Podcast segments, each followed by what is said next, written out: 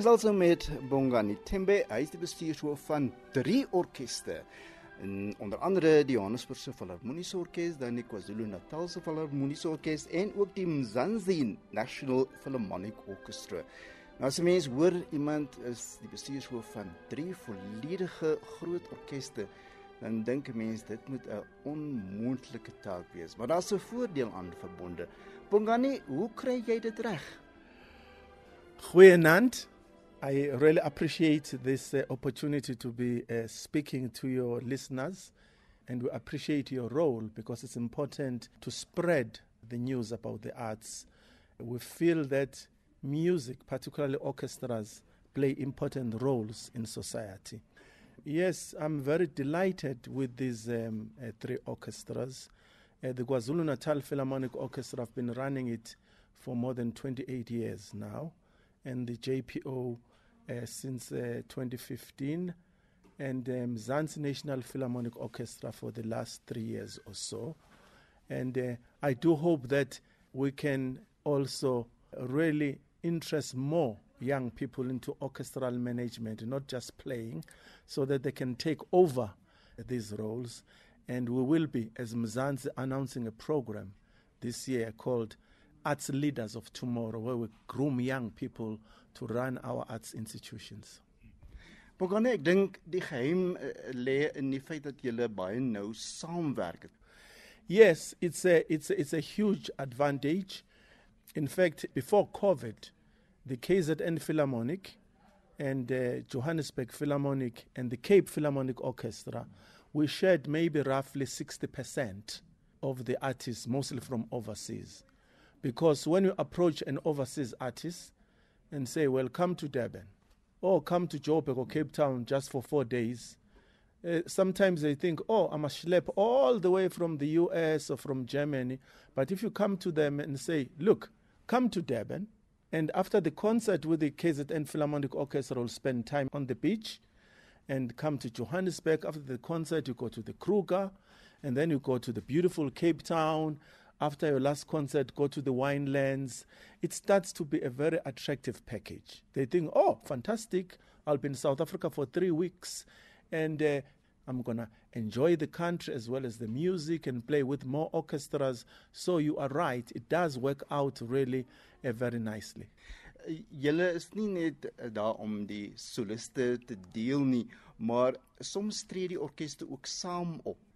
Yes, that is true. Sometimes the orchestras uh, perform together, in particular the KwaZulu Natal and the Johannesburg Philharmonic Orchestra every year get together.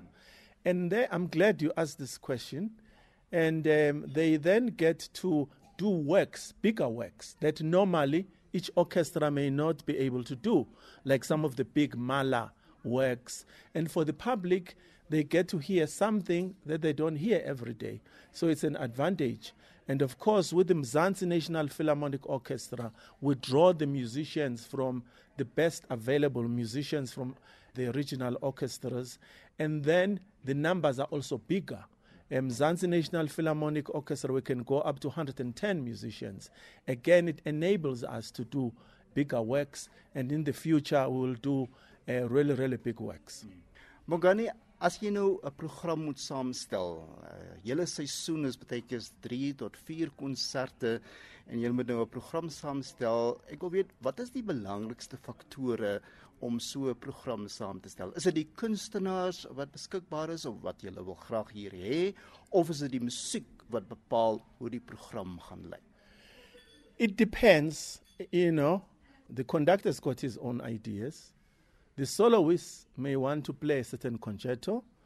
The public may have different expectations of what they like. And the musicians, as well in the orchestra, may have their own choices.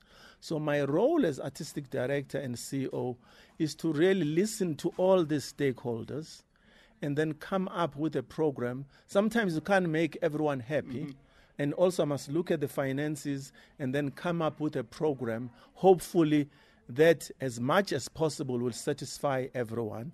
The beautiful thing is that, as you can see tonight here, the Linder Auditorium is completely packed. It's sold out. And as you saw with the Mzansi National Philharmonic Orchestra when we did Beethoven Ninth Symphony Number Nine with choirs, Johannesburg, Cape Town, and Durban. It was just full, completely full. You couldn't find one seat. So it means we are doing right because the public is embracing these orchestras and is embracing orchestral music and the arts in general. Bongani maar 'n mens voel nie net in die duisternis nie. Daar's bepaalde doelwitte wat vir jou stel.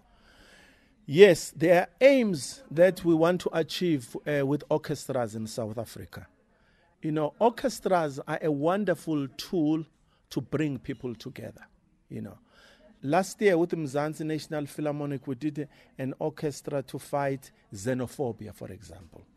And we performed with PJ Powers, with different artists of different genres. So orchestras can do different music and it brings people together.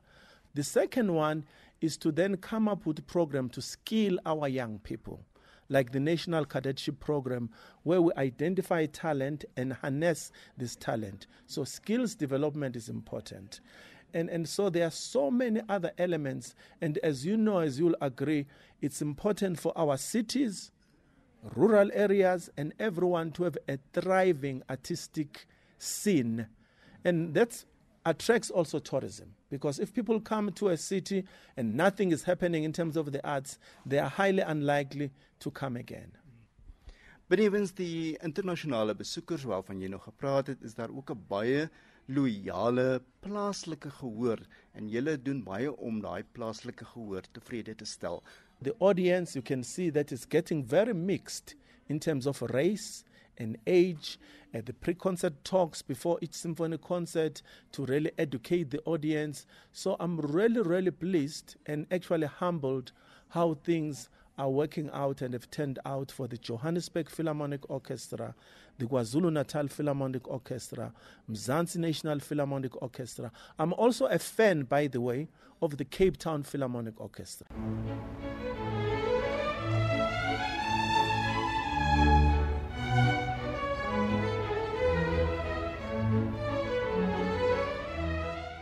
Daar's nou die loyale mense wat gereeld na die konserte toe kom, wat weet van die konserte. Maar wat van 'n nuwe gehoor? Wat doen julle? We are seeing wonderful new audiences coming through. People traveling from Alexandra to Parktown for concerts and this is wonderful to see an inclusive audience and also younger professionals of all races because th- those young people are our future. Also, the Johannesburg Philharmonic goes to schools throughout uh, Gauteng and we are educating young people. Those are our future audience in orchestras. Mongani, dis ook belangrik dat julle vennootskappe moet sluit. Daar moet samewerking wees. Ons kan nie almal net op ons eie werk nie. Ons moet saamwerk om hierdie grootse taak gedoen te kry. Partnerships are very much important in ensuring that orchestras and arts in general is thriving. Unfortunately, in South Africa, we still don't have a culture of giving for private individuals like in America. It's very important that we do that and develop this culture of giving, not only to the arts, of course, for all social causes. But I'm delighted that we are getting significant funding from the National Department of Sport, Arts and Culture. We are getting significant funding from the city of Johannesburg, the city of Durban, from the province of KZN. Also, I must thank the Rupert Music Foundation. They do so much to fund arts in South Africa. And the Oppenheimer Memorial Trust, they're also doing a great job. And many other foundations and trusts that are ensuring that the arts and culture are thriving in South Africa. So we need 10 times more. But we appreciate all that we are getting, and these partnerships are crucial. Pongani, ek moet 'n ervaring met jou deel. Ek was by 'n konsert van Bascade in Soweto. Paar maande later toe ek weer hier by die Johannesburgse Filharmoniese Orkees kom, toe sien ek een van hulle soliste is nou lid van die orkes en dit moet 'n wonderlike prestasie wees. Yes, thank you for that. In South Africa, yes, you have many great developmental programs One of them is Buskaid based in Soweto. It's produced people like Samson Diamond. Of course, after that, he went to study in Manchester at Manchester University, got his bachelor's and master's there. He's now in Bloemfontein and actually an associate concertmaster of Mzansi National Philharmonic Orchestra. Some of the members of Buskaid play uh, the young ones for the Johannesburg Philharmonic Orchestra. But it's a wonderful development program. The Johannesburg Youth Orchestra is wonderful. The KZN Youth Orchestra and Wind Band. The Cape Philharmonic Orchestra has got a youth orchestra that is great. It has produced a lot of musicians who are now professional musicians in the professional orchestra, the uh, Cape Town uh, Philharmonic Orchestra. So it's wonderful to see these grassroots organizations and efforts really going up and filtering right through to the professional sphere because it's part of our duty to create a clear career path for our young uh, orchestral players.